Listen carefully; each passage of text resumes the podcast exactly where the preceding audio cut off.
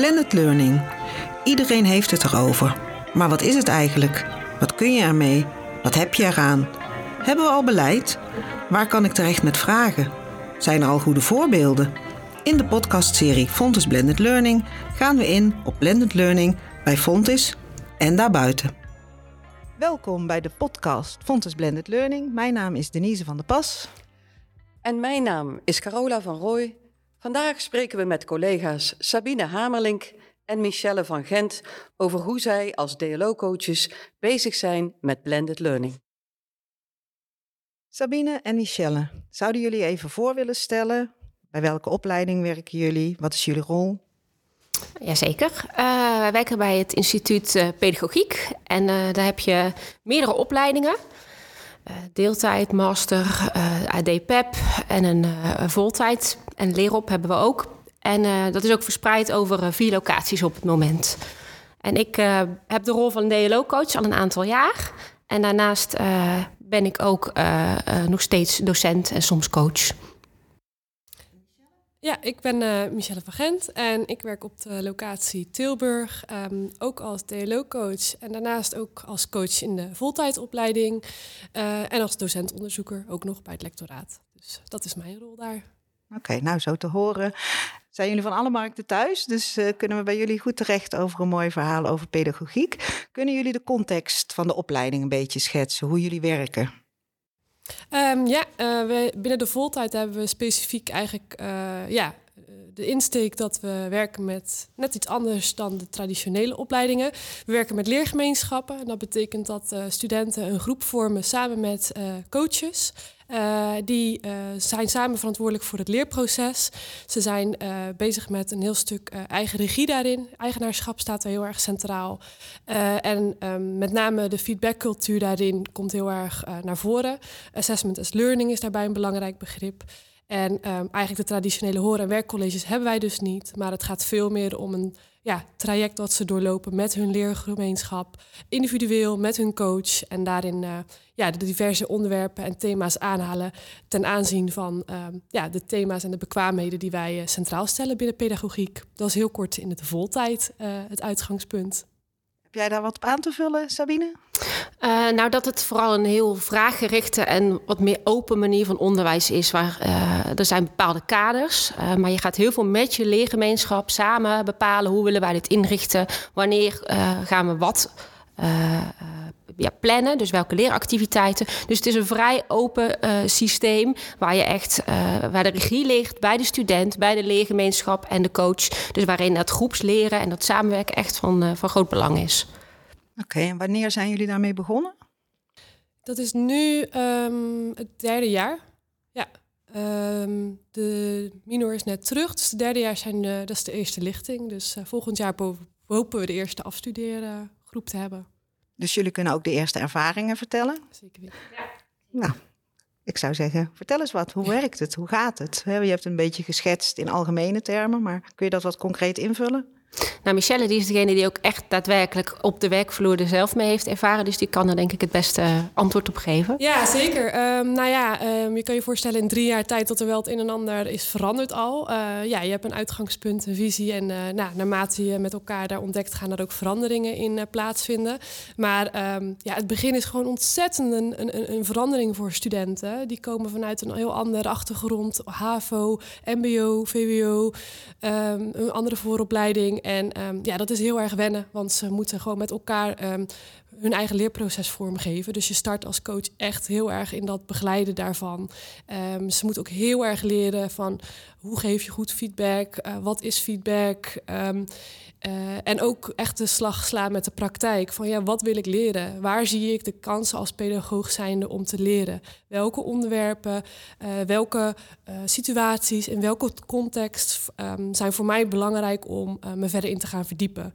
en daarbij mee helpen de coaches heel erg om dat ook verdieping te geven, uiteraard. De, ja, dat is uh, soms uh, echt een uitdaging, moet ik zeggen. Uh, want soms zien studenten nog niet altijd de diepgang in bepaalde thematiek of bepaalde casuïstiek.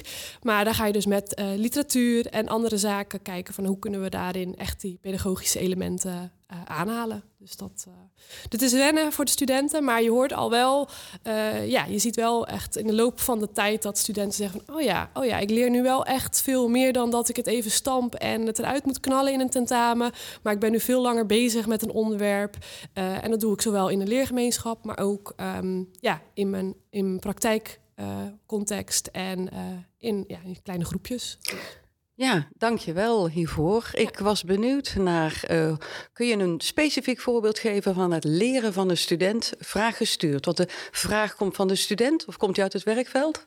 Uh, dat kan verschillend zijn. We hebben ook pedagogische kwesties. Dan komt de vraag echt uit het werkveld. Uh, maar het kan ook zijn vanuit de vraag van een student die een situatie op zijn IWP, individuele werkplek noemen wij dat, voorheen stage, uh, een situatie daar heeft en dat aanhaalt als vraag van hoe ga ik hiermee om. En daar kan je heel breed bij denken. Um, de studenten in het eerste jaar kunnen daarmee ook al zeggen van ja, ik moet een pedagogische relatie aangaan. Hoe doe ik dat met deze specifieke situatie, met dit kindje, met een, of of een specifieke leeftijdsgroep. Hoe ga ik die pedagogische relatie aan bijvoorbeeld? Zou je ons eens mee kunnen nemen in het leren van de student? Het leren van de student, dat begint eigenlijk met een uh, heel concreet uh, dat ze een leerplan gaan maken. En ze gaan heel erg kijken van waar kom ik vandaan? Wat weet ik eigenlijk hier al over? Um, wat wil ik eigenlijk hierover verder gaan weten? Wat heb ik daarbij nodig? Wie heb ik daarbij nodig? Dus op die manier maken zij een leerplan. Um, vervolgens bespreken ze dat uiteraard met hun peers en met uh, de coaches. Uh, waarin wij aangeven van ja, dit zijn mooie uh, uitgangspunten en leerdoelen eigenlijk die je voor jezelf opstelt. en dat leerplan wordt dan vervolgens ja, in gang gezet, zal ik maar zeggen. Mm -hmm.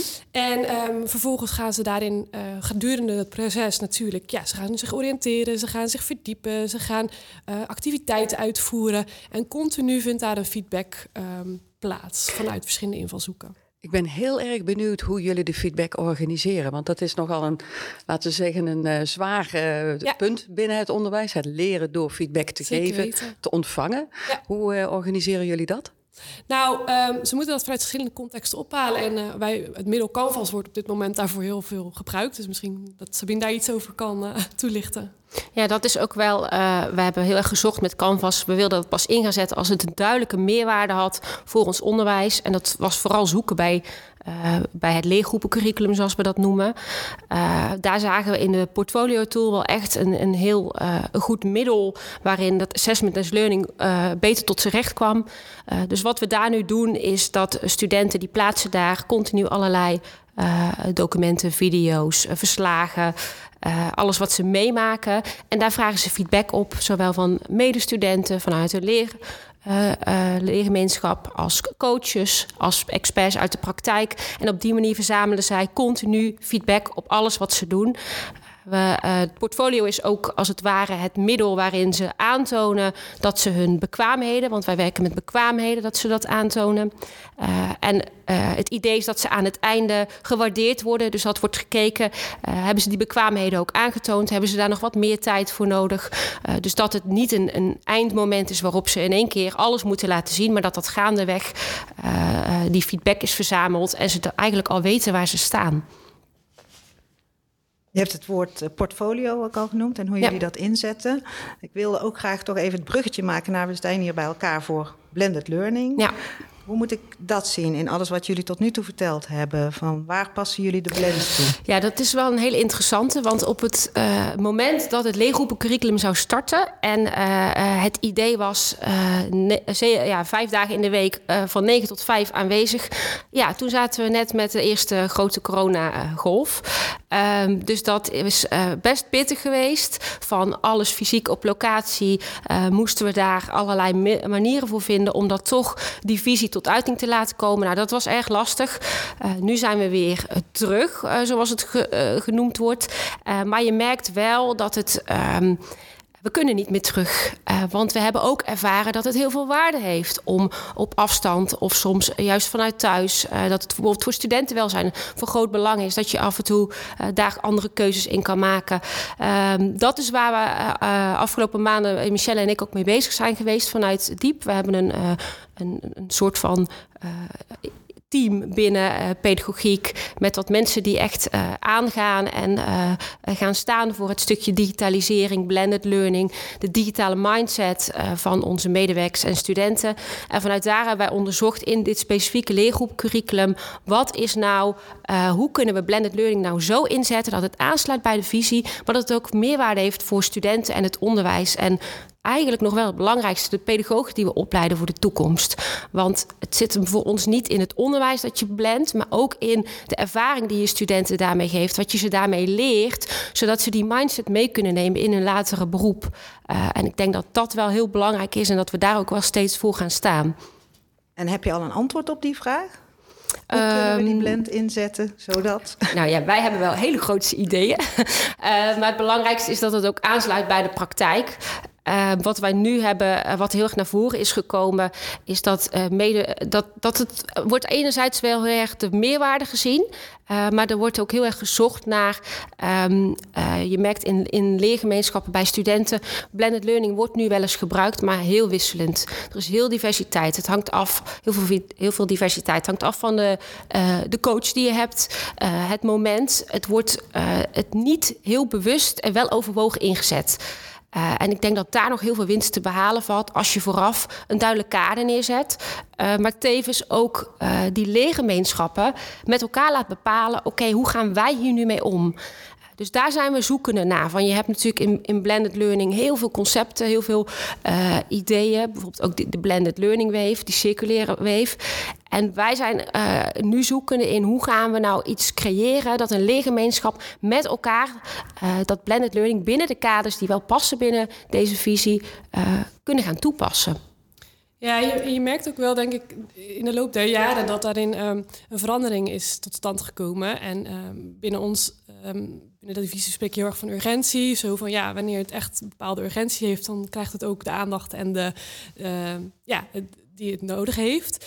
En uh, wat we heel erg zien is denk ik dat we op dit moment, uh, eerst was het vooral fysiek, toen kwam corona, toen kwamen we weer fysiek bij elkaar. En nu hebben we ook met elkaar gezegd van ja, die 40 uur is vooral met onderwijs bezig zijn. Zo'n voltijd um, programma is met voltijd met onderwijs bezig zijn. Maar daarin zit wel ruimte om te zeggen wat vindt plaats op locatie, wat vindt plaats um, in een werkcontext of wat vindt plaats um, thuis. Uh, want daarmee uh, kan je veel beter aansluiting vinden, ook bij de studenten. En uh, dan krijg je veel meer, ja, ik denk veel meer motivatie als daarin met gezamenlijk keuzes in worden gemaakt, die ja, voor iedereen eigenlijk gewoon stimulerend werkt en motiverend werkt.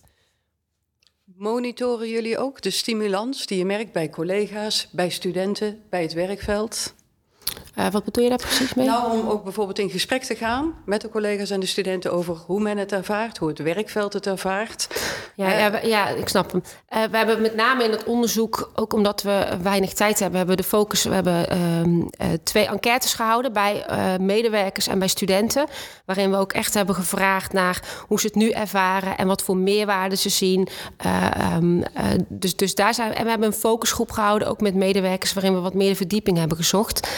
Mochten we hiermee verder gaan, dan willen we ook het werkveld nog betrekken. En ook wel in co-creatie echt uh, dat, het gaan herontwerpen. Ja. ja. Ja, en eind, van de, eind maart zitten we met de kerngroep. En die is bij ons eigenlijk die is vormgegeven met ontwikkelaars vanuit deze visie. Uh, en daar zitten ook studenten in. Uh, en dan gaan we daar op bezoek om te kijken van ja, wat, wat kan blended learning betekenen binnen deze onderwijsvisie. Dus dat staat nog op de planning. We zijn daar vooral dat stukje denk ik in gang aan het zetten. Jullie zijn wel echt voortrekkers. Hè? En ja. dat is ook jullie rol natuurlijk als DLO-coach. Uh, waar lopen jullie tegenaan dan bij collega's? Of krijg je die goed mee? Uh, nou, wat je heel erg merkt is, dit is niet het enige waar we mee bezig zijn. Er lopen zoveel projecten, er is zoveel bezig. Um, um, en iedereen wil voor zijn eigen uh, ja, zijn eigen thema natuurlijk heel hard gaan staan. Uh, dus dat is wel lastig, want we willen ergens ook de focus leggen op zaken en niet alles maar een beetje doen. En je merkt toch ook wel de facilitering. Het vraagt heel veel. Uh, het vraagt echt een investering vanuit, vanuit een coach. Uh, want je moet weten, wat zijn er allemaal voor, voor middelen, voor een stukje technologie die je in kunt zetten, tools. maar ook als wij het, het blenden van het onderwijs naar de leergemeenschappen brengen dan betekent dat dat we niet vooraf een plan hebben van voer dit maar uit, maar dat er ook echt een bepaalde uh, houding, en uh, ik noemde net al digitale mindset verwacht wordt. Uh, dat hebben we ook in het onderzoek hebben we dat onderzocht en besproken, die digitale mindset. Wij, dat is een concept wat we digitale geletterdheid past ons niet zo goed. En uh, dat digitale mindset is voor ons echt uh, niet iedere coach en niet iedere docent, medewerker of student hoeft expert te zijn. Maar het is wel van belang dat je een bepaalde nieuwsgierigheid hebt op digitaal gebied en een bepaalde gevoeligheid, waardoor je in situaties uh, die vanuit de praktijk komen, wel kunt denken van hé, hey, zou VR niet iets zijn? Of dat je kunt zeggen van hé, hey, we merken nu dat ouders hier en hier mee worstelen past dat aan, sluit dat aan bij de virtuele wereld waar hun kind in zit. Dus dat ze echt die gevoeligheid en um, die nieuwsgierigheid hebben. Uh, en dan hoef je niet te pionieren zoals wij misschien wel allebei doen. Um, maar het is wel belangrijk dat we dat, uh, dat ook naar de mensen brengen. En dat vraagt gewoon tijd en investering en ruimte. Sabine en Michelle, dankjewel voor uh, jullie verhaal. Nog ja. een laatste vraag. Wat zouden jullie onze luisteraars graag mee willen geven? Oeh, zo, die vind ik best wel lastig eigenlijk. um, ja, heb het met elkaar over. Uh, dat is misschien wel wat ik adviseer. Omdat op het moment dat het gaat leven, dan denk ik over blended learning en uh, het gesprek plaatsvindt, dan kan je ook stappen gaan zetten. Ontwijk het in ieder geval niet. Dat is wat ik wil meegeven. Ja, dat merken wij heel. Dat in dialoog blijven met elkaar. Uh, wat ik daarnaast ook wel heel belangrijk vind, is wat we vanaf het begin af aan ook met de implementatie van Canvas hebben gedaan. En nu met blended learning. Dat die inhoudelijke meerwaarde. En dan hebben wij dat echt. Er zijn heel veel onderzoeken gedaan. Maar specifiek voor ons instituut, voor de opleiding pedagogiek, voor de pedagoog van de toekomst. Wat geeft dat nou voor meerwaarde voor deze onderwijsvisie in deze opleiding? En als je dat op maat gaat maken, dan gaat het ook veel meer leven. En dan ga je die meerwaarde zien. En dan, ja, dan heb ik de hoop en de verwachting dat dat ook vanzelf wat meer gaat komen en die ruimte er ook komt. Ja. Dankjewel Sabine en Michelle voor dit mooie inkijkje in eh, hoe jullie met jullie werk bezig zijn binnen pedagogiek. Wil jij als luisteraar op de hoogte blijven van de ontwikkelingen, good practices van blended learning bij Fontis en bij andere onderwijsinstellingen? Abonneer je dan op deze podcastserie.